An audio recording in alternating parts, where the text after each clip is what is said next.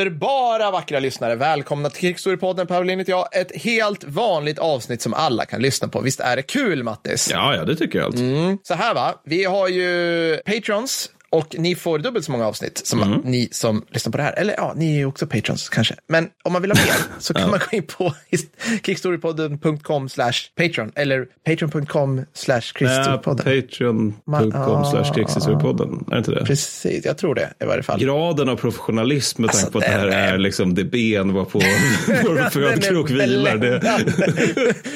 Hela min familjs överlevnad bygger på att jag säger rätt. vi har Jag någon form av crowdsourcing, jag vet inte vad det heter. Oklart. Fråga runt på internet, kolla med din granne så hittar ni rätt ska ni säga. Ja. Ja. men det här är jättekul. vi, eh, vi har ju som sagt en Patreon. Och där, jag är lite van, jag, vi har spelat in många Patreon-avsnitt nu, alltså bara på Ja, jag Patreon. Så jag, är så här, jag är lite nervös nu att prata till folk utanför liksom våra arbetsgivare. Det är inte den här Men, trygga bubblan. Liksom, som, Nej, men det är inte riktigt Nej. det. Så jag vet inte, behöver vi, behöver vi säga något mer om oss, Mattis? Det är lite oklart. Eh, Jag tänker att eftersom det ändå är 105 avsnittet så, så relativt många lyssnare borde ha vant sig vid Ja. vilka vi är vid det här laget. Ja. Eh, Godtaget, accepterat vilka vi är. Ja, det tycker jag också. Mm. Fått bara liksom så här vika ner pannbenet och lyssna vidare trots att vi har babblat så mycket. Ja. Det här är någonting fantastiskt det här avsnittet, för vi ska nämligen testa på en helt nytt, ska vi säga format? Ja, nästan. Ja, mer eller mindre. Vad är det vi ska göra? Nej, men vi ska prata om, det, det är väldigt många, och nu menar jag väldigt många av er har velat att vi ska prata om Rysslands krig i Afghanistan.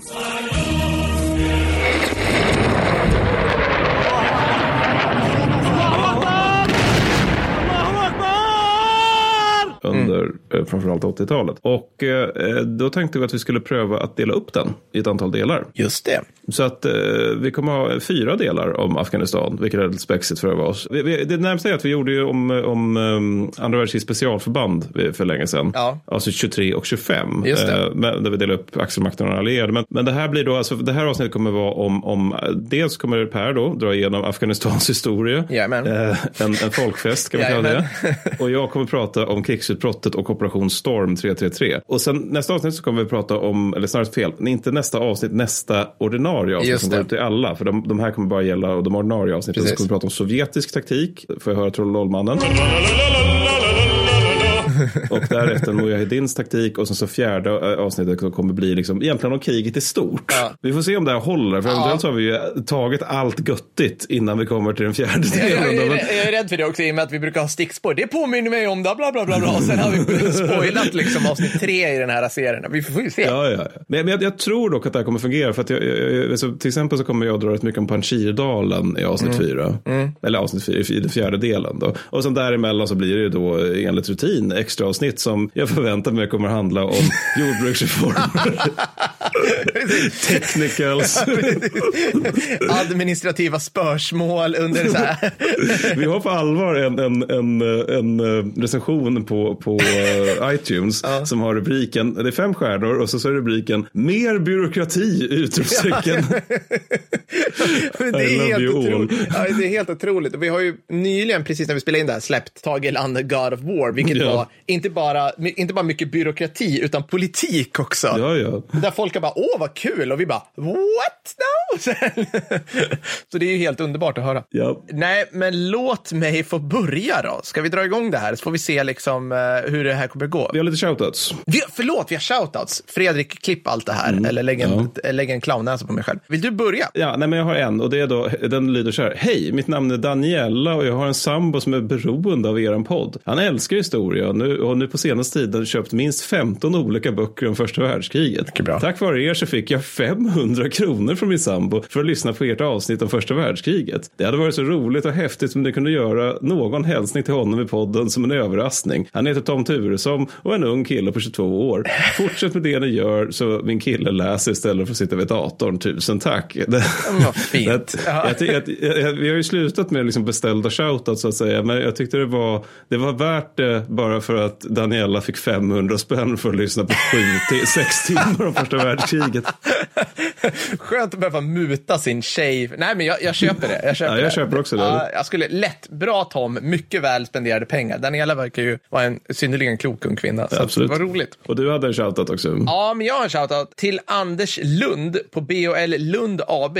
Tack Anders, du har skänkt ljudabsorbenter till oss. Om man kollar på vodden så ser man en ljudabsorbent som jag har fått av dig där. Och sen står de lite så här randomly utställda här nere i min man cave slash, vad ska man säga, insurgentgrotta. Ja. Ja. precis. Med Qanon f- signs överallt. Vi har inte hunnit sätta upp dem, men väldigt snällt att du tar lite ansvar för vår ljudmiljö som vi spelar in i. Det uppskattas Det är jättemycket. väldigt snällt. Ja. Det tackar vi stort för. Tackar vi stort för. Sen så har vi också en liten extra insatt shoutout som är från en Fredrik som vill citat slå ett slag för de hjältar från F17 samt Svedek som är nere och genomför avgörande insatser efter jordbävning som drabbade Turkiet och Syrien. Sällan kommer frågan allt väl eller hur mår det vara så viktig som när de kommer hem. En åsikt som vi håller med om. Men med det sagt, du ska gå igenom Afghanistans eh, historia. Ja. Helt okomplicerat. Kan vi få höra Afghanistans nationalsång? Does not compute. Tack så hemskt mycket. Alternativt 37 bara, olika sånger. Ja, men det är ju... kan inte komma överens om vilken det är, så Nej, jag tror alla samtidigt. Okej, det här kommer börja med minst en kvart där Per Wallin skäller på statsvetare. Ja, okej, Nej, ja, bra, vad trevligt. Ja. Du Matti, du, du är en erkänt skicklig skribent och klok och, och, och duktig på Tack, alla vis. tack, det är ju inte tack. helt orimligt att någon skulle säga till dig, Mattis, kan du skriva det här till mig? Kan du skriva om X till mig? Ja. Säg då att någon får säga, säga så här, Mattis, kan du, kan du skriva om Afghanistan och dess historia i någon världskänd tidskrift eller något sånt där? Okej, säger du då. Ja. Problem kolon. I premissen skriv om Afghanistan, då måste du ungefär skriva om Afghanistan i ungefär samma anda som du skriver om, säg Frankrike, Polen eller Japan. Mm. Alltså du måste så här, du tittar på, du tittar på en karta och så bara, Afghanistan Mm. det är ett land, Polen är också ett land, Frankrike är ett land. Mm. Ergo kommer jag liksom ha samma rubriker vid, vid varje land. Liksom. Så jäm, du skulle jämföra liknande. Nej, men så här. wiki-uppställningen, att man har liksom history, politics, culture, economy. Det brukar ju vara de där liksom Precis, väldigt precis. väl avgränsade. Exakt, det här är ramen vi ser det på. Det är liksom vårt, vad ska man säga, västlandets a priori sätt att se på världen sedan typ västfaliska freden. Mm, ja, absolut. Så, att, så, här, ge- så här, ett, geografisk uppdelning måste ske, gränser måste dras, på vardera sidor av gränserna måste det finnas nationalstater. Ja, men också det, precis, att man, man på något sätt förutsätter att land, ett land är samma sak som en nation. Exakt, precis. Inom dessa gränser finns det ett, ett folk med gemensam kultur, språk och historia. Ja, men precis så. Eller, även om man liksom, vi har ju länder med liksom spretighet. Alltså vi har ju typ Belgien.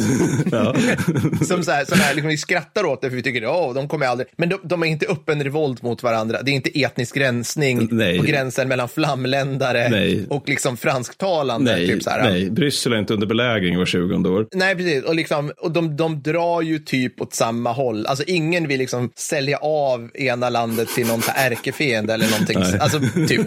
Nej.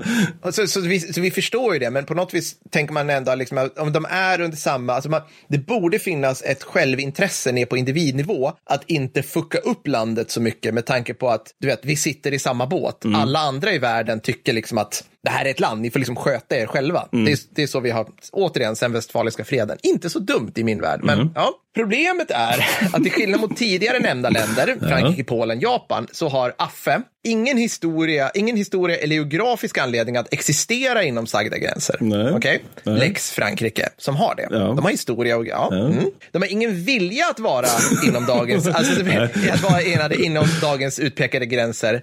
Lex Polen. Ja. Alltså så att vi, vi är fan ett land nu, ingen är, kommer, det spelar ingen roll om du vet, vi har, vi har sett ut olika, nu är vi ett land så här. Och de har verkligen ingen som helst, jag stryker under, ingen som helst etnisk homogenitet för att vara det. Lex Japan. Just det, just det. Mm, de har också historia, som ty, typ, typ exempel på etnisk homogenitet. Det är alltså 0,0 anledning att se sig själva som ett land. Och här kan vi lägga upp en bild på Affes etniska karta Ja. som ser ut som att jag har typ så här nyst åtta olika färger på alltså, en bit tyg. Alltså, det ser för jävligt ut. Liksom. Så, hur ska jag mer kunna... Jag, jag tänker så här, Mattis, jag ska försöka vara pedagogisk. Obs, jag har inte ens börjat prata om Affes historia. Mm. Nej, nej, men det här, men- det här får ni stå ut med. Ja, för ja. Det, här kommer, det här lägger grunden för mycket Det här av... kallar vi för en serve. Exakt. det är så här. Du, kära lyssnare, kan göra ett experiment där hemma. Lägg ut en karta över Europa på bordet. Mm. okej? Blunda och sen ritar du en cirkel någonstans. En bara en oval. Så här, Någonstans på kartan. Okej, du ska nu skriva historien om det här området som om det vore ett land. Det kommer vara så här.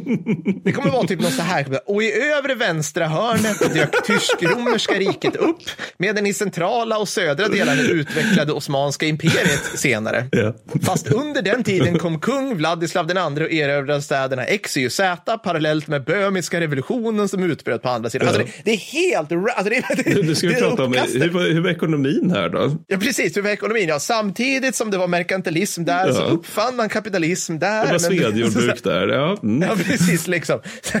här var det jägare-samlare som... liksom, det, det, det är så exakt så här är liksom Afghanistans beskrivningarna av Afghanistan. När man läser dem där så bara, det här hänger ju inte ihop. Och det, det liksom, det är, alltså man säger så här, vissa säger så här, åh, det var imperiets kyrkogård, så här, det erövrades typ 17 gånger. Ja, för det där, det där tycker jag är lite konstigt. För Mm. det, där, det där får jag för mig någonting som man har sagt för att amerikanerna gick in. Ja. För det, det, det var då jag hörde begreppet första gången. Att de gick in och sen så var de där väldigt länge. Ja. Och så var det någon som så här på fyllan kom ihåg att och ryssarna gick också in. Så det måste det vara imperiet för, för kyrkogård. Ja. Medan vietnameserna bara räcker upp handen. Bara, tja, Det, ja, men exakt så är det. Och det, grejen är den att liksom, varken Alexander den store, ett dussin persiska kungar, 15 maharadjor och en oklar mängd krigsherrar har någonsin sagt så här, shit vad nice, nu har vi erövrat Afghanistan, high five alla. Utan liksom, Alexander den store, han red väl in i Mazar-e Sharif och du vet, tog en väg. Ja. Och det var typ Afghanistan. Ja. Maharadjorna tog liksom, ja de, gick, de hade väl liksom det som idag är Pakistan och tog lite över bergen och någon krigsherre tog ner i Herat och Kandahar och du vet. Alltså det- är så här, det är ingen som bara brydde sig om att oh, wow, nu har vi tagit det som skall bli Afghanistan. det var ens Afghanistan på den här tiden. Alltså det, kan, det, det var bara liksom lite olika spridda stä, städer då? Eller vad? Ja, exakt. Så det var ju först med Durrani-imperiet. Och det här är första gången jag säger någon som, alltså ett, ett ord som finns på wiki. Typ. det, ni kan glömma bort det här omedelbart. Så här, Under 1700-talet som en afghan, Ja. alltså en person som kom någonstans inifrån det område som idag kallar för Afghanistan, Ja, ja. som erövrade det själv. Men om du tittar på vad Durrani-imperiet var, då råkade det ju vara att en del av Durrani-imperiet var Afghanistan. Ungefär som att, visst, här, Sverige innefattar också Götaland. Förstår du? Ja, ja, Men det. det, är liksom inte så att ja, där skapades Götaland. För, alltså, identitet. Ja. Så att återigen, det här, och det här fortsätter ju bara. Liksom. Sedan då, efter Duranimperiet, då kom ju liksom lite härligt påtvingande kolonialism, där några fulla britter Where are we now? tillsammans med ännu fullare ryssar sa liksom, ja, men det här är dina gränser nu, kära emir, lycka mm. till. Och så sa de så här, du är nu kung över Afghanistan. Han bara, vad är Afghanistan? Så här, ja, det är där afghaner bor. Och sen har vi lagt till stan för att vi har massa andra stan också som kommer liksom så här. Men, men får jag bara, förlåt, fråga som instickare. Ja, men det här med, med att det är så pass spretigt och eh, liksom oenat, är inte det nästan, alltså är inte nästan därför man skulle kunna kalla det för imperiernas kyr- kyrkor? Att det är väldigt, väldigt svårt att ockupera någonting och erövra någonting där man, liksom, man måste förhandla med 37 olika grupper för att komma överens om villkoren för ockupationen. Mm. Ja, exakt. Alltså det blir nästan som ett skydd mot in- invasioner Mm. just det här med att det är så oenat. För att jag menar, om du ska erövra Tyskland under andra Ja. världskriget, Ja. då, då kan du ju ta Berlin och sen så kan du säga åt tyskarna att nu, nu så ska vi göra så här. Och det, det, det är inte liksom att det finns en massa olika politiska och nationella subjekt inom Tyskland som var för sig måste på det här förmoderna sättet måste övertygas om att amerikanska och sovjetiska krigsmakter är här och inte ska bekämpas. Eller förstår du vad jag tänker? Ja, exakt. Du måste åka runt. Du måste, I Tyskland måste du inte åka runt och göra så här, ha en personlig envig med enskilda Nej. Nej, stamhövdingar. men precis. eller begå, så här, göra mandomsprov med diverse, med diverse krigsherrar Nej, för att nej. visa att du minsann... Jag är en stark och mäktig man. Unite kan- tribes. Kan, liksom. kan dricka oerhört mycket härsken getmjölk. Nere i Böhmen, där måste du fånga tre vargar, binda upp dem och skänka dem till En till konungen. Hind som, Ja, ja. som jag horn av guld. Det här är ju så svensk medeltidshistoria, Ja, ja, eller tidig det är medeltidshistoria. Mm. Skrönor liksom. Nej men exakt, det stämmer ju faktiskt. Det är precis så där, Mm. alltså i Afghanistan. Du måste hela tiden göra det. Och det intressanta här är liksom att det är ju gamla, det är ju ett gammalt liksom kungarike. Mm. Alltså jag har ju åkt, det är rätt häftigt faktiskt. Jag har varit i norra Afghanistan och då bara, jaha vad är det här för skit? Men liksom Mazar-e Sharif är en gammal stad. Precis på andra sidan floden där. Mm. Som, alltså inte på något vis finns ett syfte att den är en gränsflod. Nej, för nej, den är nej. liksom inte så fa, alltså så här, utan då har du ju Turkmenistan Mm. och där har du ju typ Merv. och Sidenvägen. Just Alltså, nu- vi pratar, alltså, vi pratar liksom handelsplatser som får Bagdad att verka typ moderna som Brasilia. Alltså förstår du? Mm. Ja, Alltså, vi, visst. liksom 8000 år gamla liksom, platser. Alltså, det, det, det, Ja. Så att det är inte så att afghaner, varenda jävla afghan eh, har sen urminnes tider, sen liksom istiden varit så här fåraherdar. Nej. Utan, men Kabul är en, liksom en gammal, gammal stad Mm. av hävd. Vilket gör ju att de som bor i Kabul tittar på de här fåraherdarna i bergen och bara, vi vill ju heller inte ha något med dem att göra. Ja, just det, Alltså, Vi- Vilket du kommer komma till Ja, sen, det kommer vet jag. Med, med, liksom, med det här, och det ser man ju nu när liksom, talibanerna tog över igen. Liksom, att så här, Kabul och, la, och landsbygden och alla de här andra, det är bara så här, fan bryr sig. Alltså, de... ja, okej. Var var jag nu någonstans? Ja, men det var att britterna skapade i praktiken Afghanistan tillsammans med ryssarna. Ja, tack Mattis. Det är någon som har kollat. Okej, Afghanistan, från och med nu kommer jag alltid ha en citationstecken på det. Det spårar ju många sätt sin olycka då till de här gränsdragningarna. För från och med då, slutet på 1800-talet, så är det bara en statskupp eller en blodig revolution efter en annan. Just det här det. bara snurrar på. Det är bara repeat. Det är respawn och repeat på liksom kuppmakare hela tiden. Den bästa tiden Ja, stora kaninögon. den stora kaninen, skulle man säga var under tiden av kungen Mohammed Zahir Shah. Han fick regera i ungefär 40 år. Hans far blev mördad. Ju- Just det, men det, det där har jag noterat. Att han dyker upp ganska ofta i afghansk historia Mm. som att det här är liksom, ja men då var det lugnt och sansat. Ja, precis. Ja, ja, visst. Man, man läser vad han gjorde. Liksom. Han satt från 33 till 73. Ja. Och när jag säger bästa då, så menar jag såklart löpande revolter Ja, just det. av diverse bergstammar. Ja, ja. ett bitvis autokratiskt styre Ja. med mera, etc. Men det är ju lite från den här tiden som man kan se, du vet, alltså de älskar ju, det är här grejer som dyker upp hela tiden i Afghanistan, eller om Afghanistan, du vet bilder på unga kvinnor som läser på universitetet i Kabul Mm. iförda kjolar. Och så säger man äh, Afghanistan 69. Just liksom. det. Ja, men för då var väl Kabul känt som typ så här Centralasiens Paris eller Ja, någonting. Alltså precis. det verkligen var en trevlig stad att vara i. Ja, ja, jag antar det liksom. Återigen, obs, Kabul. Ja, ja. så att, det, vilket är liksom att så här, ja men Sverige, vilket fantastiskt land. I centrala Stockholm är det nice bitvis. Alltså det är Ja, typ jo. så. Alltså det är liksom... Medan liksom på sörmländska landsbygden så är det biblisk tid på alla, i alla praktiska Ja, hänseenden. ja, ja, ja, men då är det flugornas herre, Mm. liksom, rullande, vi, givetvis fortfarande. Så, hur som helst, och det säger en del om statsbildningen i Afghanistan, liksom hur eljest den är, då de inte blev officiellt erkända av USA förrän 1934. Jävlar, det är sent. Det är sent. Det är väldigt sent. Det är väldigt sent att bli erkända. Schweiz blev inte äh, erkänt förrän 1934. Nej, låter ju nej. konstigt liksom. Ja, hur som helst, Zahir Shah störtades av hans premiärminister, tillika farbror såklart, PGA, enorm svågerpolitik och Ja. allt det här. Daoud Khan, när kungen var utanför landet. Hurra, republik utlyses. Ja. En kort stund. Ja. För att, ja, typ alla demokratiska reformer och friheter rullas tillbaka. Fem år av Daoud räckte för att kommunism, kommunisten Amin och Taraki Amin kan ni hålla i huvudet nu, Mm. skulle kunna få med sig tillräckligt mycket av armén och landsbygden för att genomföra Saur-revolutionen 1978. Revolution är ett fint ord för blodig statskupp i det här fallet. Bara en fråga, den här re republiken som var innan, vad var det för någonting? Ja, exakt. Eller liksom, det, det var inte kommunister då, tänker jag. Nej, alltså under Daoud Khan tänker du? Mm, ja. Alltså, ja, nej, alltså det var bara en, han var en, alltså, han var en bananrepublikspresident i min uppfattning. Ja, Liksom. alltså allmän maktsperson så liksom. Alltså, ja, ja, ja, um, visst, visst. Det var inte så att han bara, nu börjar vi med fria val. Nej, nej, Och- nej, nej. Utan han var, det, det var liksom president, Just det. El, El Just Presidente. det. Liksom. Ja, som sagt, Saurrevolutionen var ju då inte riktigt, alltså det, jag tror typ det är ryssarna som har döpt det till Saurrevolutionen, för att de bara, åh, kolla en kommunist.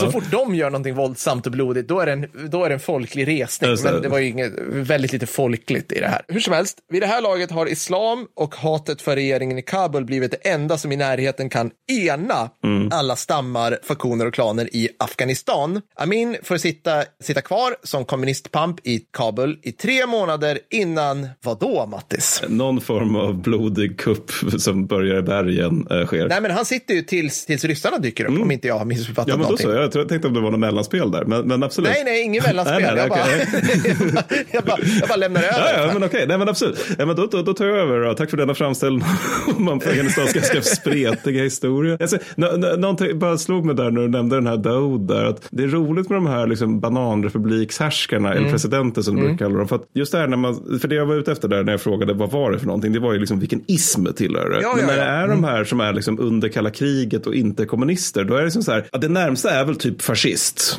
tror jag. Men det är lite oklart, för det är bara så här allmän makt och ingen så här egentlig ideologi, annat än att jag och mina närmsta ska ha det, det vill säga makt och pengar på andras bekostnad. Det är väldigt mycket afrikansk. Afrika, alltså lyssna på... Ja, men sydamerikanskt också. Ja, men är det, men jag tänkte precis säga det. det känns, I min värld så känns det mer amerikanskt med tanke på att i Sydamerika och Sydostasien så hade man mer ismer. Eller? Under Ja, liksom, kanske man hade. Eller vad tycker du? Alltså jag menar, jag ser ju, det är så satans men, eh, kommunistiskt, ja. Venezuela. Ja, men det är klart att i Sydamerika så är det ju, är det ju ofta, det är ju ofta armén som gör revolt där och då, då, då brukar det ju ofta, ja, det är precis, och då är sant det lättare kopplat till fascism då. Ja, ja, möjligtvis. Ja, skitsamma.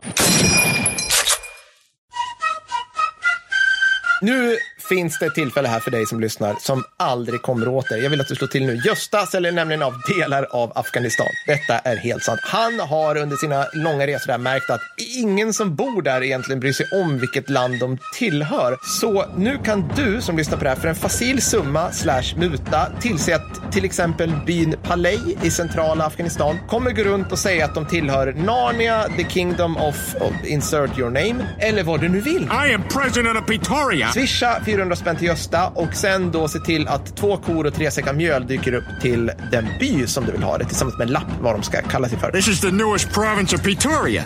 I call it Johio. Mattis, visst har du tre byar nu i västra Afghanistan som formellt säger sig tillhöra det bergvallska konglomeratet, va? Jajamän. Strålande. Passa på att förverkliga dina imperiedrömmar nu.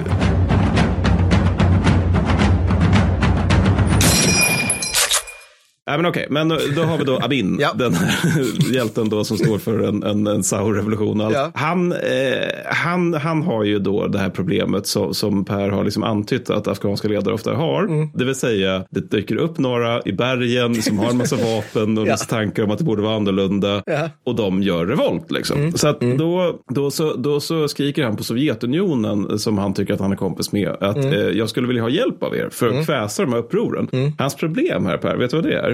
Eh, han, han står inte i så hög god... Han, han Nej, är liksom nej. inte tumme med Ja, Khrushchev, nej, eller de, nej, vem- precis, vem precis. liksom- Alltså, det, men exakt så. Alltså, det, det, Sovjetunionen ser ju alltså Amin som problemet. Ja. De, de tycker ju att det är ju ditt fel att det är uppror här. Ja, och ja. Det här är också lite lustigt med, med hur vi brukar prata om ryssar. Jag skulle säga att när det gäller liksom så här, Sovjetunionen på typ alltså 70-tal till 80-tal där någonstans, det är väl typ då vi tycker att de är som mest kompetenta. Ja, ja. Alltså, vi har ju snackat om till exempel när de är härjare i, i, i Etiopien, att då genomför de ju liksom ändå liksom kvalificerade luft, luftlandsättningsoperationer och sånt där. Så de kan styra upp saker lite grann. Och precis som i det här fallet har jag liksom lite känslan att Moskva inte är helt tokiga heller. Nej. Eller att det är nog Amin som är problemet. Sen så kan man ifrågasätta den ryska lösningen på Ja. problemet. Men, men oavsett så, först vill de tillsätta en snubbe som heter Babrak Karmal istället. Då. Och Karmal, han är, har ju då tidigare varit Amins bro naturligtvis. Såklart. Ja. Nu är han lika naturligtvis i exil i Tjeckoslovakien. Och det tredje naturligtvis är ju att Amin skickar lönnmördare till Tjeckoslovakien. Och jag tänker så här va. 80-tal, eller så jävla kalla kriget på något vis. Ja, liksom. men, Alltså, och också, hur väl smälter afghanska liksom så här schakalen-lönnmördare in i Tjeckoslovakien det, på precis sådär, 80-talet? precis sådär Netflix-thriller. Prague. Och så börjar dr- drönaråkning över Karlsbron. så här, Precis. Precis. Ja, och på precis det sättet så måste KGB Alpha då, de måste liksom dyka upp i, i, i Tjeckoslovakien då och James Bonda ut Karmal då. Med episka mustascher. Ja, ja. Episka mustascher. Ja, de var så jävla bra med att köra det är kriget, så ryssarna, men- bra estetik. Ja, förlåt. Mm. Ja, nej, men i alla fall så väl vid makten då så eh, tänker sig ryssarna då att Karmal ska kunna säga åt den afghanska armén Mm, att lägga ner vapnen. Liksom. Alltså notera här nu, de ska, ska inte säga upproret då, utan de ska liksom ta över, han ska ta över och tillse då liksom att den afghanska armén inte har invändningar mot att Amin är borta. Ja, just det. Just det. Ja. Precis. Mm. Så, så då är det då, och då, då, då så, så börjar man planera för något som kallas för Storm 333. Och det är då, eller Storm 333. Och det tänks som en halshuggningsoperation. Och den ska då inleda vad som sen kommer vara, vad ryssarna tänker sig, sex månader så kallade stabiliseringsoperation.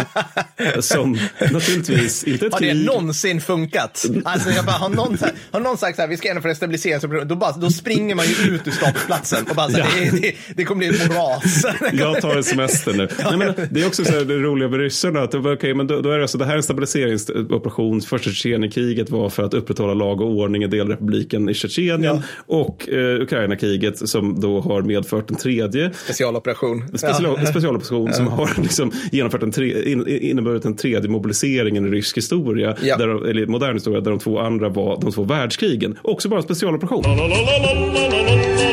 Jajamensan. Men oavsett då, det är tanken. Det ska bli lite stabilisering då. Och det blir istället tio, år, tio års krig. Vodka. Och eh, för att stabilisera Afghanistan då så sätter ryssarna in 75 till 80 000 man då i liksom första vändan då av, av återigen inte invasionen. Kan då tilläggas att för Pragvåren Ja. satte man in 250 000 man. Ja, ja, precis. Mm. Ja.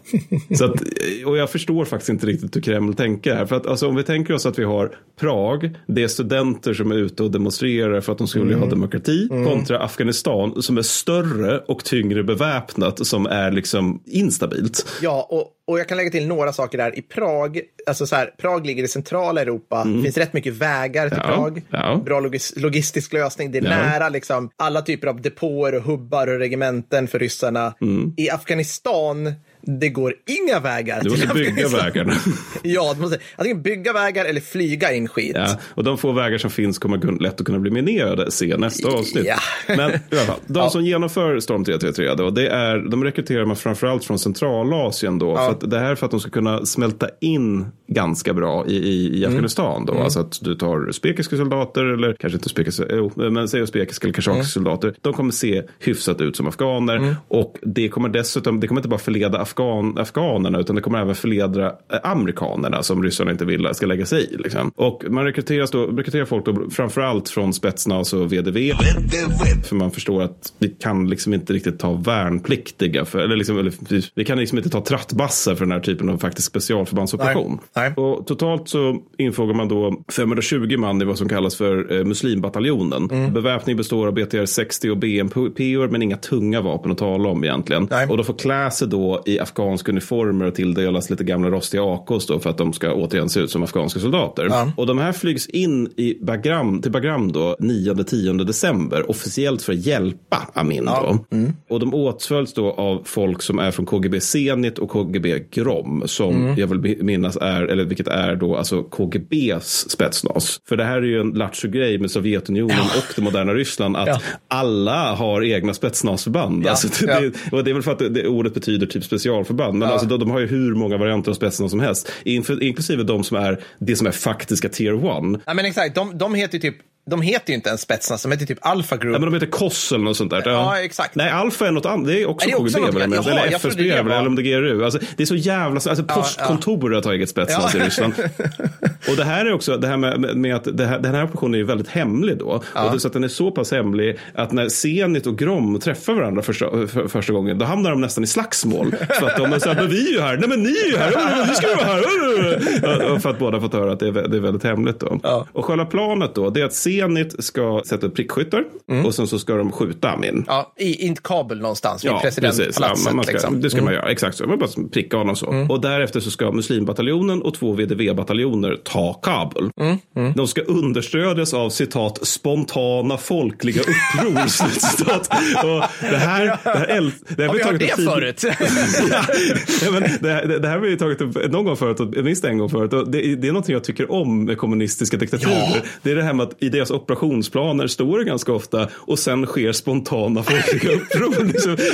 Det är lite optimistiskt att vad som blir då, alltså tre bataljoner och lite random schmandom spetsar ska ta en stad. Ja, ja. Det är lite liten då liksom. Det, det, det är så här eh, Opera- Operation Eagle Claw och eh, Amin, så här, invasionen av, eller vad heter det, offensiven mot Kiev liksom Ja, i februari. ja. Ja, ja, Ja, alla går ju fantastiskt. Another victory, Commander.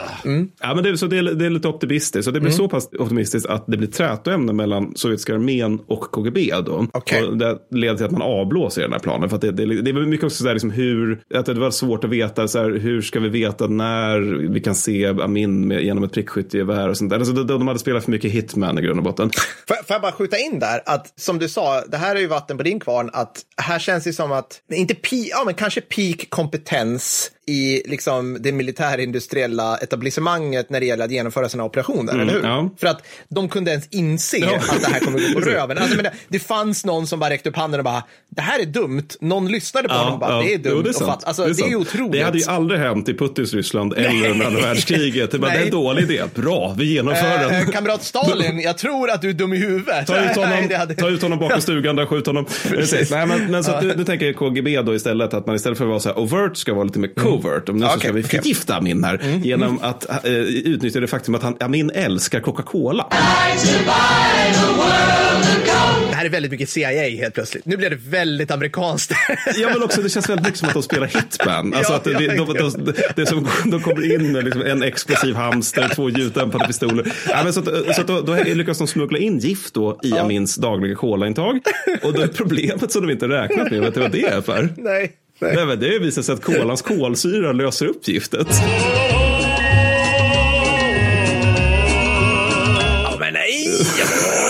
Attans! Jag tänker, tänker mig se hela KGB som står och hoppar på sin hatt. Liksom. Ja. Loada senaste saven, prova en annan så, Sovjetunionen då, de skickar in en underrättelseofficer för att undersöka då, är Amin död eller inte? Vi har ju förgiftat honom inte? Och han är mest lite blek, liksom, så här lite ont i magen. Amins kusin däremot, som givetvis också finns i Såklart. presidentpalatset, han blir istället sjuk av den förgiftade kolan och skickas då till, wait for it, Sovjetunionen för sjukvård. Såklart. varför inte? För det är inget, vi är inte liksom i krig än, utan Nej, det, nej, vi är nej. fortfarande hemliga. Ja. Så ergo beslutar sig ryssarna för att återigen nu att nu gör vi det lite enklare för oss. Nu skjuter vi helt enkelt Amin i, i, i och med Storm 333. Ja, och ja. med- medan man planerar allt det här så ställs då för övrigt ba- muslimbataljoner vid generalstabshögkvarteret i Kabul för att citat skydda det, slutcitat. Ja, så de är i, förlåt, de är i Kabul nu. De har alltså flugits in. Okej, Då- Först till Bagram och sen till Kabul då. okej. Mm. Och det, det säger mycket också om hur, hur mycket Amin litar på ryssarna. Alltså att, bara, nej, men självklart så ska ni vara här. Liksom. Ja. Det, det, så ni kan försvara eh, generalstab. För det kan inte armén göra, det kan Nej, inte lita på dem. Om vi tänker på hur kompetent ANA har varit under hela tiden. Liksom, Ja. USA och hela väst har tränat och beväpnat och ja, så mm, kan man fundera Ja, alltså, på. jag, jag, så här, jag, jag tror, jag, mitt intryck är inte att afghanska armén vid den här tiden var särskilt mycket mer kompetent. Kan vi få, kan vi, jag vill bara skicka det till lyssnarna nu. Ni får Mm. gärna återkomma till oss och säga när var, när pikade afghansk väpnade styrkor? alltså under hela Ja. det, det området som kallas för Afghanistan. När var det som bäst? Var Mm. det när Alexander den stores companions råkade vara där liksom? Jag- jag tycker- Man får ju ofta intrycket att afghanska eh, soldater är som absolut bäst när de slåss mot afghanska armén. Ja, ex, ja. Alltså att de brukar vara de som har högst stridsvärde. Typ men, men vi kommer komma till dem i Ja. tredje delen av Ja. det här just nu ganska snåriga avsnittet. men, men så Amin då, han, han, han tycker ändå att saker och ting känns lite jobbigt. Mm. Så att han bestämmer sig för att byta sin, eh, sin bostadsort till sin residens i Taibeg-palatset som ligger 16 kilometer utanför Kabul. Ja. Mm. Och återigen så tycker ryssarna att han är jobbig. För återigen måste de tänka, liksom planera om hela sin operation. Mm. Men Taibeg är i alla fall då, det är på en kulle med en väg upp då. Mm. Ganska slingrande väg vill jag menas. Och resten av kullen är typ minerad och sen finns det liksom så nedgrävda T54 där motorerna sticker upp lite här och var. Så att det är liksom som KA-pjäser fast lite lättare då som finns på den här kullen. Och KGB, de har haft lite tur för att de har skött utbildningen av minst vakter. Det är ganska lätt att genomföra en specialförbandsoperation under de här förutsättningarna. Vi har all information. Så, det, men, så att de, kan liksom, de kan få fram en karta över det här stället då, genom att egentligen bara prata med någon av hans vakter som ska ju skydda hans liv. Som inte fattar någonting. Jaha, varför vill du veta koden dit? Nej, det är, ingen, ingen följdfråga på det här. Ja, alternativt inte bryr sig utan bara tycker självklart så ska ni ha Ja, till det. Eh, Och Sovjetunionen föreslår också för Amin då att återigen den muslimbataljonen ska, ska utgöra del av vaktstyrkan kring Taibeg då. Och Amin han tycker det låter som en utmärkt idé för att han är livrädd för sin egen armé. Så bata- bataljonen då, de, de huseras i ouppvärmda kackerlacksfyllda baracker Givetvis. 700 meter från palatset. Och jag, jag, det här, jag tänkte inte på när jag skrev manus, men när jag pratar om det så betänk mängden fördelar ryssarna har inför den här specialförbandsoperationen. Alltså, r- jänkarna önskar att de hade de här förutsättningarna när de skulle skjuta bin Laden. Ja, ja, och sen så är det dock då så for, fortfarande att det är ungefär 2500 afghanska soldater med lite oklart stridsvärde som, som, eh, som vaktar Amin. Då. och då, då, då är inte allihopa inte i palatset på kullen, utan de har väldigt mycket förläggningar utanför. Liksom. Alltså, de, de har lite baracker och sånt där. Och de har lite stridsvagnar också, vilket kan vara ett problem. Så mot de här 2500 så sätter ryssarna in 6 nu, nu, säger, jag- nu säger jag håller på att säga fel ordentligt, 661 man. Mm. Där det är 24 från KGB Grom, 30 från KGB Zenit. Alltså 30 stycken? Ja. Tre- ja Okej, Ja. ja. ja. Så, så stora styrkan är från, från muslimbataljonen, för där är det 520 i Spetsnaz då. Ja. Mm. Och sen så är det 87 man då från VDV. Och i praktiken är det 560 de här som faktiskt kommer sättas in i operationen, men det är lite mm, hemskt som dem. Och de här delat, den, här, den här styrkan delas upp i 12 grupper som kommer gö- göra olika snäviga saker under operationens Mm. gång. Och jag kommer inte gå igenom vad alla 12 gör, för det, det är lite spretigt. Men de flesta ska i korthet störa ut, eller, störa ut eller slå ut de afghaner som finns omkring Taibeg. Ja. Så att liksom, de inte kan ingripa Ja. med det här mordet man ska Allt det genomföra. här känns väldigt rörigt för en plan nu. Men, men, jag, men ja, jag, jag köper Ja, men, eller hur? Ja. Jag måste säga, en av grupperna då, som i sex BNP då, ska med 30 man ska säkra vägen till, upp till palatset. Mm. Den här enda vägen som går. Och sen så ska de anfalla palatset när de väl har gjort det. Med 30 man. Ja, Ja. Det korrekt. Och det är fra, de, de här 30 killarna då framförallt från Grom och Zenit. Ja. Så det, det, de är duktiga liksom. Ja, alltså, det, det är inget snack om den saken. Och så, så är bata, muslimbataljoner får snarare vara de som kör BNP-orna i just den här gruppen. Sen så är det ytterligare en grupp då som ska flankera Taibeg då med 34 man. Så nu har de uppat där. Nu är vi uppe i 64 jäklar. pers som ska storma ett palats. Eh, och de, de ska med sig fyra BTR 60 då och gå in från sidan. Liksom. Ja. Men återigen, de har ingen väg att gå upp för utan de Nej. ska liksom bara klättra upp för den här steniga kullen. Ja. Och mot slutet av december 79 så börjar liksom stora sovjetiska förband gå in i Afghanistan. Okej. Amin är överlycklig över det här. Ja. För att de är ju där för att citat hjälpa honom. Slutcitat. Så är det, såklart. Och eh, han ger då order om att man på alla sätt ska bistå ryssarna då Mm. på alla upptänkliga sätt i grund och botten. Och ryssarna här då, de är ju väldigt stolta över sin förmåga till maskirovka. Det finns även ett svenskt ord för det här, vilket är en avledning eller vilseledning. Mm. Så de inleder med en sån då. Ja, men Maskerovka, Mattis, innan, den, innan februari 22 var ju liksom Maskerovka. Det är nästa nivå av. Operational art, vi kan inte förstå det här. Ja, men lite så. Lite så. Nej, men, så att de, men de inleder då liksom en, en slags vilse och avledningsoperation då innan de sätter igång Storm 33. Då. Det är då att sovjetiska rådgivare ställer till med fest för sina afghaner då, samma kväll som operationen inleds. Andra, för att det finns mycket sovjetiska rå- rådgivare i Afghanistan, andra de säger åt sina afghanska soldater då att slanga ur all diesel ur sina stridsvagnar. Ja. Och eh, afghanska soldaterna är lite okej och gör det här, ja, ja. jag tycker i sig är roligt. Samma kväll som Storm inleds också så smäller KGB Kabels telefonlinjer. Okej. Mm, och det här gör de det att att de, de, de, de, de, liksom har ett hål ner i marken, i asfalten i Kabul. Och ner, och, till, där de kommer åt liksom, någon form av knutpunkt för där liksom, här är telefonen. Alltså. I det här hålet slänger de sen ner en stor jävla hög sprängämnen, liksom, Ja. verkligen så här satchel charge. Så. Och så springer de. Och så händer absolut ingenting. Nej, såklart. För att de glömde att ställa timer.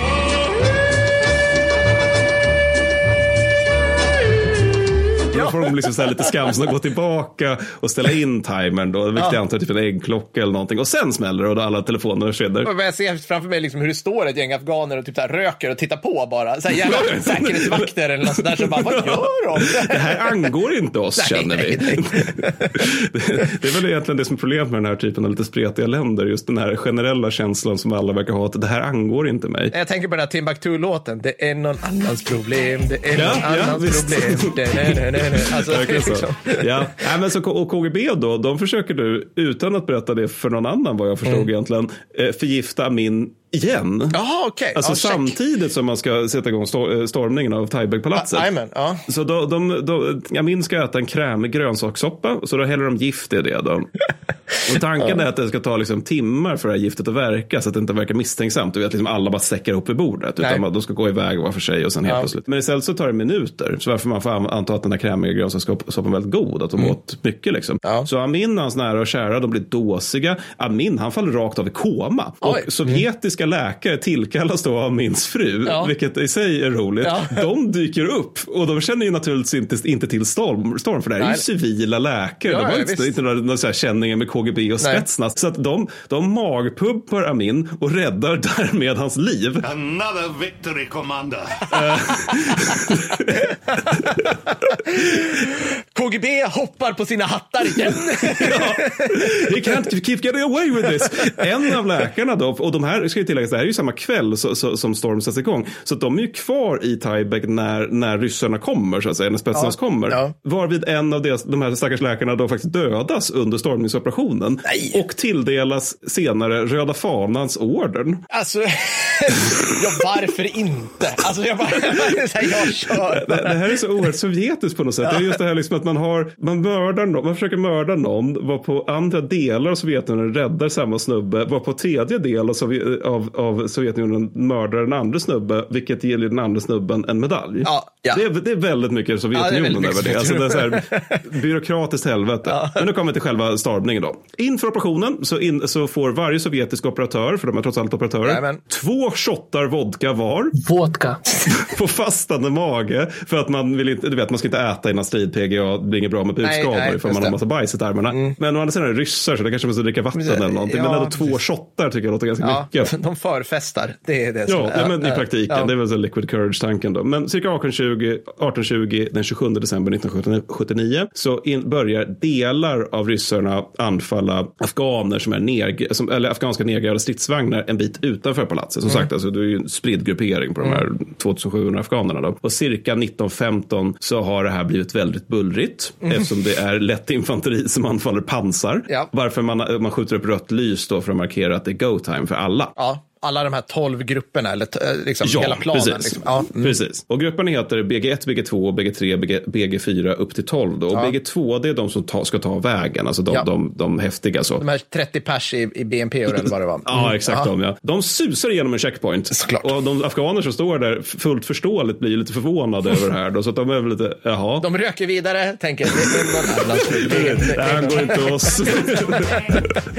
Nej, men de verkar faktiskt ha ringt någon. För att när de kommer till den andra checkpointen, då hamnar faktiskt BG2 under beskjutning. Ja. Och två BMP slås ut. Jaha, eh, naturligtvis. Ja, ja. Det var ju överraskande kompetent, måste jag säga. Ja. Ja, och jag är liksom lite osäker. Ja, skitsamma. De slås ut. En, en av dem går att starta senare, men de slås ut i, varje fall. Och alla såras i en av dem då, Ja. när de gör avsittning. För de gör ju avsittning i ett fullkomligt kulregn. Mm. Bra början på operationen. Så, så vi, ryssarna i resterande fyra BNP, de har svårt att verka då. För att det, det, är, liksom, alltså det är svårt att elevera automatkanonerna på deras vagnar. För det, det är liksom rätt högt upp och Ja. sådär. Det är bökiga stridsförhållanden. Det. Och det här löser man då på ett ganska elegant sätt. Det vill säga man drar fram två stycken Kilka-vagnar. Det är alltså LV-vagnar som man börjar blasta. Tyebeg med. Man, man anar liksom att vi har gått från covert till overt när man gör det. Ja, ja. Och en, en, en granatspruta börjar Ja, också bara spraya lite godtyckligt. och när de är nära palatset då så slås ytterligare en BNP ut. Så nu är vi nere på en BNP som är kvar då. En annan då, vilket jag antar då är antingen den som gick att starta igen eller den som fortfarande lever så att säga, krossar fötterna på två Zenit-operatörer då. Ja. Och det, det jag bara tänker så här, mängden tid som, alltså om du tänker att det är ändå ett specialförband och Zenit och Grom är vad jag har förstått vid tiden förmodligen Sovjetunionens bästa, mest kvalificerade, bäst utbildade specialförband. Mängden tid och pengar man lagt ner på de här två individerna. Ja. Och det här är förmodligen deras första insats skarpt. Ja. Och något av det första som händer är att ett av deras egna, egna fordon, fordon krossar deras fötter. Ja. De är dock ganska, de är ganska härdiga får man säga. För de, de bestämmer sig för då att ja, då ligger vi här med våra krossade fötter. Så då, ligger vi, då får vi helt enkelt försöka skjuta med våra AKs mot Tyebag helt enkelt. Ja. Så de, de ligger och blasar helt enkelt. Halva styrkan har nu gjort eh, avsittning på grund av utslagna fordon. Mm. Och eh, 1940 blir det så är man i, genom palatsets huvudentré. Alltså, Mm. så att det liksom, de, de tar sig framåt ändå. Så. Grom gör nu avsittning och dess chef dödas omedelbart av en kula från Tyebag. Of course. Och so far har, alltså, det är ganska många i den här stormningsstyrkan som har stupat och många av de som inte har gjort det har sårats. Mm. Och orsaken för det till att det är så pass många som, eh, som såras snarare än dödas det är att de hade väldigt starka kroppsskydd. Oh, ja, okej. Alltså, de, ja. de, de, de, hade liksom, de hade mycket specialutrustning i den här operationen. Jag får mig att de Mm. hade liksom så här, så tidiga sovjetiska bildförstärkare och skit också. Så att de, Mm. de har liksom mycket personlig kit som gör, gör att de klarar ganska mycket. Mm. Men det här är ju då BG2. BG3 det är den här flankeringsstyrkan som ska kräla upp för... då. bränna rakt igenom typ ett minfält mot Ja, Korea. det är korrekt. ja, Ja, de ja. Berätta mer om dem, Mattis. Nej, men de, BG3 de, de skrider an. En BTR har sönder sina hjul. Ja. Det, det stod det uttryckligen i boken jag läste om där. Jag, jag, vet, alltså det, det är inte så att någonting sprängs utan den har sönder sina hjul Ja, helt enkelt. ja. En annan citat fattar eld slutcitat. Jag vet inte om det är på grund av produktionsfel eller på grund av att afghanerna sköt på den. Som en armata på Röda torget. Det bara... Ja, precis. Hoppsan. Hoppsan. Ja, men sen, så, sen, så, de, sen så är det en tredje då som inte alls flankerar utan istället bestämdes för att vi hänger på BG2 istället. Det känns Ja. som bättre stämning där. Ja. Och sen så då är det att när, när de är på väg upp där och det liksom, jag, tror, jag tror det var den som, började, som hade sönder sina hjul då. Mm. Då är det ju att du har ju skytte i då som ogärna vill vara kvar i den här grejen Mm. då för att rörlighet är en form av skydd. Då så måste de göra avsittning och då är det en sovjet- sovjetisk operatör som han har lite för mycket kit på sig. Ja. Och sen fastnar i BTR när han ska ut. Ja. Mm. Ja, Så då får hans kompisar då, de får liksom trycka på bakifrån. Mm. Och sen då när de får ut honom så låter det som en champagnekork. Och sen så blir det den här liksom clowncar-grejen där alla bara... Återigen, operatörer, ja, elit, precis. väl fungerande, väl planerat. ja. ja, men återstår gör då en BTR som, eh, och en massa avsuttet skytte som liksom i förvirring av natten försöker göra någonting. Ja. Varav flera naturligtvis dödas och såras ganska snabbt då för att återigen de har inte så mycket skydd och skydd. Nej. Man lyckas dock eh, få bukt med afghanerna som skjuter på dem från liksom palatsets väggar. Man Mm. ser, de skjuter liksom ut genom fönstren eh, genom liberalt applicering av granatspruta Ja. då. Som Ja. bom, bom, bom, bom, bom, bom. Och det kan man ju förstå att afghanerna inte var med om det. Och då återstår ungefär halva BG3-styrkan då. Mm. Mot all förmodan lyckas de här personerna då faktiskt storma in i palatset. Vilket Ja. jag inte förstår hur de gjorde. Det, det, det här får man ge dem. Det är Ja. ganska imponerande att de överlever så här långt. Där inne så, så dödas BG2s översta. Alltså notera den som kom framifrån, den som tog vägen. Ja, så nu b- både BG3s befälhavare och BG2s befälhavare döda. Fattar jag det rätt då? Nej, nej, Nej. BG, B- BG3 tror jag, det ska jag följa minnas fortfarande lever. Men BG2 däremot, det, är Okej. alltså, Mm. en överste i BG2, han, han dödas då. Eventuellt av eh, vådabekämpning för Ja. säkerhets skull då. Men BG2 och BG3 lyckas efter det lilla missförståndet Ja. så lyckas de länka upp med varandra inuti palatset. Ja. Och under tiden så säkrar då alltså resterande BGs, alltså BG1 till 4, och BG1, 4 upp till 12, de säkrar liksom området kring palatset. Och alltså bland annat så slår man ut lite luftvärn och man bekämpar lite random schmandom afghanska värnpliktiga som har, ska vi säga, lite oklart stridsvärde. Ja. Och det här underlättas bland annat av de här tidigare nämnda bildförstärkarna och att de sovjetiska rådgivarna tagit ut batterierna ur de afghanska stridsvagnarna. Alltså Så det är så jävla bra. Alltså de, de, Ja, de, de, ha alla fördelar här. Det har funkat, vad ska jag säga?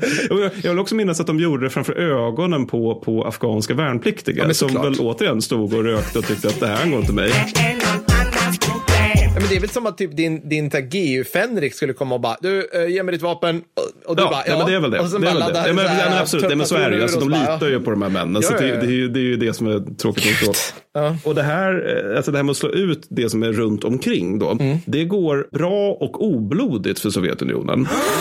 Mm. Och jag är också helt oförstående inför den meningen. Jag har aldrig hört den i samband med ordet Sovjetunionen. Nej. Bra och oblodigt Nej. och Sovjetunionen har jag aldrig hört i samma mening. Även det är en oxymoron. Alltså Ja. det, det, ja. Men inuti palatset då så är det kanske, det är lite oklart för att det här, är ju liksom, det här går snabbt och det är väldigt kaotiskt. Då, men det är kanske 50 man från BG2 och BG3 Mm. som tar sig in och de flesta av dem är ju sårade naturligtvis. Men det är ganska lätta skador som återigen vad jag förstår mycket på grund av alltså deras kroppsskydd och hjälmar och sånt där. Att Mm. de har bra personlig utrustning. Och det är kanske dubbelt så många afghaner som är där inne. Men de är ju stort liksom lätt beväpnade livvakter så att det, Ja. det är inte en jättefair fight. Nej. Ryssarna då, de börjar med att plocka ut kommunikationscentralen på nedervåningen, vilket är ju rimligt. Mm. Och därefter så är det liksom en sån här Scarface-trappa upp till övervåningen där min är. Det, det ser verkligen ut som Say det. hello Alltså, det to my little friend. Ja. Men, alltså, när jag såg bild på det så väntade jag lite grann på att Tony Montana skulle dyka upp helt vit i ansiktet. Och sen så- Ja, nej, men så, så, så, så de måste liksom upp för den trappan för, för att komma åt Amin. Då. Ja. Och en del av Amins vakter har MP5-or. Ja. Vilket det var någon jag läste som var liksom så här, it was the MP5, the legendary submachine gun extreme. ja. Alltså, du vet, så här, du vet man ska hypa liksom lite grann sådär Ja. att det här blir en fight. Så. Men liksom Spetsnaz kommer ju med PKM här. Va? Ja, Så, att, så ja. att det, det, är inte, det är inte riktigt en jämn strid, eldstrid så. Återigen, medeltung bandmatad kulspruta. Ja, precis. Ja. Ja. nej, men så det är klart det inte går så bra för, för livvakterna då. Och sen så ryssarna även snilla blixten att de, de har ju liksom fienden över sig då. Mm. Så att då, då, då så kastar man handgranater upp uppåt. För, eh, och det får ju tyst på vakterna. Problemet är dock att även för kommunistiska supermänniskor så fungerar gravitationen som den gör. Liksom, så att en del granater... Kapitalistiskt påhitt tror jag.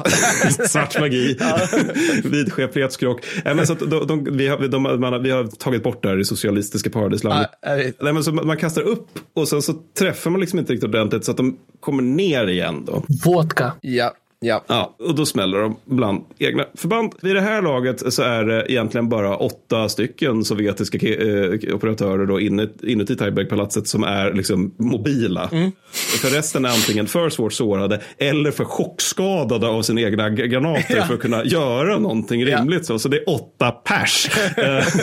Men, men dessa och plus säkert några andra. Alltså jag, jag går liksom inte riktigt med på att det bara är de här åtta. Det, det må, någon mer måste Ja, ja, rimligen ja, liksom och bara, ah, okej jag skakar av med det här och kör. Liksom. Men, men i alla fall, dessa plus säkert några andra tar och rensar övervåningen då med Mm. handgranater och eld. Så att du vet, kasta, rensa hela den grejen. Då. Och afghanerna då, de är liksom lite ledsna för att de har ju utstått den här, den här LV-elden. Just det. Och granatspruteelden över tid Just operationen inleddes. Då, så att de kapitulerar till stor del helt enkelt. Och beordras då av operatörerna att avväpna sig själva, gå ner och kapitulera för första bästa sovjetisk soldat. Så att de Mm. liksom travar ner för trappan där. Då. Och Amin, han, han är nu vaken, men Mm. på bedövningsmedel. Så han driver runt i kallingar och en tischa. Han ber sin stab om att ringa ryssarna efter hjälp.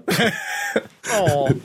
Ja, men det är lite sorgligt på det sättet. Det är så här, en döende Pablo Escobar. Men, eh, nej, men så, och då är hans stab då säger lite försynt att ja, nej, men det är ju nu så att det är ryssarna som anfaller oss. Oh, crap. Varvid Amin gör det enda rimliga, det vill säga han tar ett askfat och kastar det efter mannen som kommer med dåliga nyheter. Mycket bra, mycket bra. Men Ja. så, sen försöker han då själv ringa till ryssarna och säga hej, det är någon som skjuter, jag behöver hjälp. Och då är telefonen naturligtvis död, så då accepterar han att det nog är så här det ligger till. Han återfinns, alltså, återigen, alltså, han, han har ju så koma, han går på bedövningsmedel som förmodligen ganska starka, för att det är liksom centralasiatiska bedövningsmedel på Ja. 70-talet. Det är bra skit. Det är typ ren Det- det- heroin. Nej, men liksom bara smack. antar Ja, det var jag. krokodil helt enkelt. Ja. Nej, men, nej, men så, så att han går in och ut i, ur, ur, um, ur medvetandet. Då, så, att, så att ryssarna hittar honom halvt medvetslös och sen så avrättar de honom utan några större åthävor egentligen. Jag har för mig att de också lyckas ha ihjäl hans lille son på kuppen. Jo, just det. De har igen två, dödat två av hans söner. Dels hans femåring och dels hans elvaåring av misstag. Då, så det är väl eh, typiskt ryskt förfarande då. Att man råkar döda civila när man är igång. Men i varje fall, slutet på det hela då. Det är att ryssarna tappar, vi har hittat lite olika uppgifter om det här. Antingen 9 eller upp till 14 stupade. Och sen så är det 69 allvarligt sårade. Alltså allvarligt sårade. Så det är ytterligare väl ganska många Shit. som är lätt skadade. Ja, det är många. Och att ration är så här, återigen tror jag har det här med att de hade god personlig utrustning, ganska lätta vapen mot Ja. sig. För Ja. återigen, MP5 till exempel, det är ju typ ett polisvapen. Alltså du, du, du har svårt att ta dig igenom liksom, högkvalitativa kroppsskydd med det, Ja. om jag inte missuppfattar saken. Operationen i sig går ganska snabbt. Ja. Tar, eh, tar 43 minuter. Så Oj. att det, det, är liksom, ja, det, alltså, det tog ungefär lika lång tid för mig att bes- beskriva den faktiskt. Afghanerna tappar kanske 200 döda, kanske mer, naturligtvis lite oklart. Och Kabul faller samma dag och den här Karmal då, han som satt och tryckte i Tjeckoslovakien, han installeras den 28 december. Ja. Och ryssarna, de försöker då framställa det här som en intern afghansk affär. Yes, yes, såklart. Varför ja. inte inleda den nya regimen med en kardinallögn? Ja, Liksom? Ja, ja, ja. Varför afghansk radio då säger att Amin avrättats efter att ha dömts av en citat revolutionär domstol, slutcitat, för sina brott. Mycket bra. Ja. Afghanska armén då, den vill man ha intakt så att det inte ska liksom, så att det blir, det blir inte så, för man vill ha den för att kontrollera landsbygden. Ja, så, liksom. så det blir inte några så stora utrensningar eller liknande, utan den, den får liksom sköta sig själv lite grann. Mm. Något som inte är så intakt, vet du vad det är Per? Infrastruktur? Nej. Ja, det är inte det heller, men, men jag tänkte nu polis? framförallt... Nej. Ja, men jag tänkte mer så här den afghanska landsbygden. Ja, ja, ja. den, men den har ju aldrig varit intakt. Eller vad ska Nej, man nej, säga? nej, det, precis, det, det är inte så att den har gått sönder utan den bara fortsätter vara i skärvor. Ja, men, nej, men så den kokar ju nu naturligtvis och inom kort så gör ett helt afghanskt regemente myteri. Ja. Och strax därefter så är sovjet-afghanska kriget ett faktum. Så det är Operation Storm 33. Mycket bra. Tactical Soviet Victory, Strategic Defeat. Eller jag vet inte vad man ska säga. Ja, det är det ju faktiskt. Ja. Det, ja.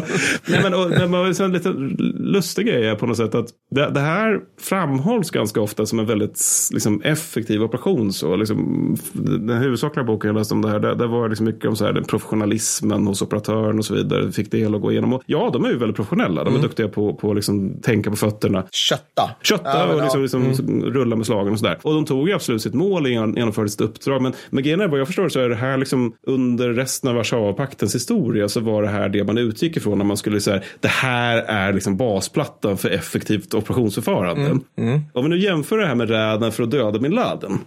Ja, exakt. Mm. Ja, precis. Om vi tänker till exempel antal förluster. Ja, ja. Eller liksom så här, förutsättningar. Så är det så att vi liksom bara kan plocka bort stora delar av... Eller, alltså, de, har det så oerhört väl förspänt, tänker jag. Ja, men verkligen. Alltså, det är ungefär som att, vad skulle man säga? Men det är ungefär som att så här, uh, Seal Team 6 skulle kunna, liksom, innan de gör räden, få glida runt i compoundet och typ så här, du där, kan du göra patron ut på ditt vapen? Ja, så här, du där, kan du göra det? Vi låser upp den här dörren. Vart sover, vart sover Osama? Han sover där. Ja, tack. Och sen ändå kraschar en helikopter eller vad de nu... Jag menar att det inte är så här, liksom, att de så här, är friktionen, liksom. omgiven av så här, otroligt motiverade fanatiker. Utan att det är liksom, folk som står och röker och undrar, har det här någonting med mig att göra? Ja, precis. Ja. Ja. men det, det är ju faktiskt fascinerande att de ändå, att det gick så på röven som det gick, Ja, ja, ja, liksom, måste jag säga. Eller ja, men att de, de klarade. Men det här säger mycket generellt om specialoperationer. Ja, ja, visst alltså, det. så här är det nästan, nästan alltid, Ja. skulle man Ja. kunna säga. Liksom, när det är high profile grejer. Ja, Liksom. men alltså, det är svårt med specialoperationer och ryssarna brukar vara ganska taffliga. Liksom. Så Ja. så att, det- men det här gjorde de ju rätt bra ifrån sig. Ja. Men även när det, liksom, ja, jag vet inte. Men så det här var i alla fall, nästa gång ska vi prata om, om eh, sovjetisk taktik, är tanken, Ja. i Ja. Afghanistan-kriget. Men eh, vi har faktiskt lite tid med än vad jag har lärt mig sen sist, vilket är Oh. första gången på ganska länge. Och jag har den. Du har en? Ja, men låt Ja, höra. jag har flera, men Du har flera, ja. Vad du har lärt dig sen sist? Ja, men jag läser ju väldigt mycket om Japan Ja, Mm. nu och Stilla havskriget inför vår stora sommarpodd som kommer vara hela Stilla havskriget i ett avsnitt. Hur det ska gå Mm. bra. till vet jag inte. Nej, vi, vi, vi ser fram emot det mot, med bävan och tillförsikt. Men också... Mm. Det är alltså en eh, krigsskådeplats som är typ åtta gånger större än den europeiska. Ja, precis. Och där händer svinmycket Ja. på många olika platser. Där, där kommer man verkligen behöva en companion map. Alltså du behöver en karta när vi Kul. säger så här, det här. Och så ska du kunna bara prrrt, så att du hänger med liksom. Jag jag kommer ha en speciell punkt i, i, i manus som heter, som heter Pers jävla geografifrågor. Ja, Var ligger. New Georgia? Vart ligger New Britain? Ja, men- Relevanta frågor. Ja, Skit i det nu säger du då. Men det här apropå geografi, då ska, för det glömde jag säga. Finns det någon form av karta över stormningen av palatset? Alltså bara så här, ja, Alltså det finns ju Osprey-kartor typ. precis. Och de är, brukar vara fina liksom. Ja, kanske vi Men- kan men- eh, lägga upp en sån. Vi får se. Ja, men i alla fall, det jag mig sist, det var då att som sagt läsa mycket om Japan och Stilla havskriget. Och eh, vi har ju det här då i tidiga 1943. Vi har i Stalingrad då, där eh, tyska sjätte armén kapitulerar och är helt förintad i grund och botten. Och det här är ju det här ögonblicket, och det här är nog orsaken till att vi än, många än idag ser det här som ett avgörande ögonblick, en vändpunkt i andra världskriget. Det är ju att även folk vid tiden såg det som det. Alltså att det, det var omöjligt att bortse från att en hel jävla armé är utplånad. Där måste ju kriget vända liksom. Eller om det inte, ja, så man ser det så i Ryssland i högsta grad. Man ser det nog så till stor del i Tyskland också eftersom det är nu man verkligen börjar mobilisera befolkning och industri. I alla fall officiellt. Man ser det så i- liksom i Washington och London där är man också så här, åh yes, nu, nu händer det. Vet du hur man ser på, såg på det i Japan? Eh, Oh, vänta. Jag kan tänka mig att de bara, ja vad skulle man, äh, nu så här, ja nu, nu, ja, det måste vara typ så här, äh, de, kolla vad de offrade sig. Japp, nu, nu är kriget så. vunnet. Det var Var exakt det så. Nej. Japp, japp. I, I. Tokyo såg man det här som en styrkedemonstration. att en hel, en hel jävla armé utplånades. ja, det är så. Så Kolla, de tyckte nog också att det vände. är oslagbara. De lät en hel armé utplånas. Ja. Ja, fantastiskt. Vad har du läst sen sista? Nej, men kul. Ja, men jag, det blir ju det man läser. Men alltså, jag, har ju, jag läser ju Liberation Trilogy om, eh, där vi nu håller på och grottar oss igenom Gustavlinjen och Hitlerlinjen i Italien, alltså under andra världskriget. 44. Det är kul att läsa om en del, alltså det är väldigt intressant att läsa, lära sig och läsa om just hur otroligt smärtsam läroprocess de allierade hade att kunna verka i höga, för, i större förband. Ja. Eller i förband överhuvudtaget. Alltså det, det är en jättelång period. Alltså det, är, det är liksom, och det fortsätter ju, alltså det fortsätter ju kriget ut såklart. Men vi har ju någon form av bild av att liksom, ja men så här, till 44 så här, då- då, liksom, då började de allierade, då invaderade de allierade, då började de liksom, alla de här friktionerna kom då, medan de lärde sig ohyggligt mycket av hela Nordafrika, ohyggligt mycket av hela Italienkampanjen, långt innan man klev i land i Normandie. Liksom. Och jag, jag älskar ju liksom, alltså jag älskar ju när författare tar tag i skvallret mellan höga officerare och liksom så här, alltså dessa, ah gud, dessa clowner till fältmarskalker och fyrstjärniga generaler, alltså, småsinta, knasiga, alltså det är så, det är såna, det är såna karaktärer, det är inte liksom VK1-nivå Nej. på, på spec, liksom special people, men det är nästintill alltså. Men det är ju det att USA är typ de enda under andra världskriget som har råd att ha sådana. Ja, ja visst är det så. Ja, så är det. Och jag menar, det, det är också kul för att den här författaren, han, han fok- man märker också att de här, eller den här författaren, jag tror alla författare, de fokuserar på det som är lite sexigt. Ja, ja. Vilket är ju så här att de pratar inte om typ Omar Bradley som var så här bra från dag ett. Nej. Utan de uppehåller ju sig vid typ så här Mark Clark och Truscott och Lucian, alltså alla de här liksom, eh, och typ så här brittiska Lees och det, alltså det finns sådana där liksom som är eh, special characters. Nej, så det, det skulle jag, jag kan rekommendera att läsa om Ja, sånt där. mm. Det är faktiskt kul. Ha, Nåväl, precis. Nästa avsnitt blir sovjetisk taktik i Afghanistan. Nästa ordinarie avsnitt. Nästa, nästa specialavsnitt. extra avsnitt. Extra avsnitt. Var har vi det någonstans? Ja, de har inte fått rösta om det än när vi spelar in det. Nej, det har de inte fått. Det blir nog något spännande. Det tror jag i varje fall. Alltså, till den omröstningen tänkte jag lägga in ett alternativ om technicals. Så jag hoppas, Ja. jag på något sätt förutsätter lite grann att nästa avsnitt är om technicals. Men, men vi får se. Vi får se. Ja, men med tanke på hur många det är som tipsat oss om Toyota-kriget så borde ju de kunna ligga framme nu och liksom Mm. Ja, eh, kunna ge till det. Ja, men det här var kul. Det var kul. Hoppas ni gillar det här formatet. Vi kör vidare helt enkelt. Yes, ha det gött. Vi hörs snart. Hej då. Hej då!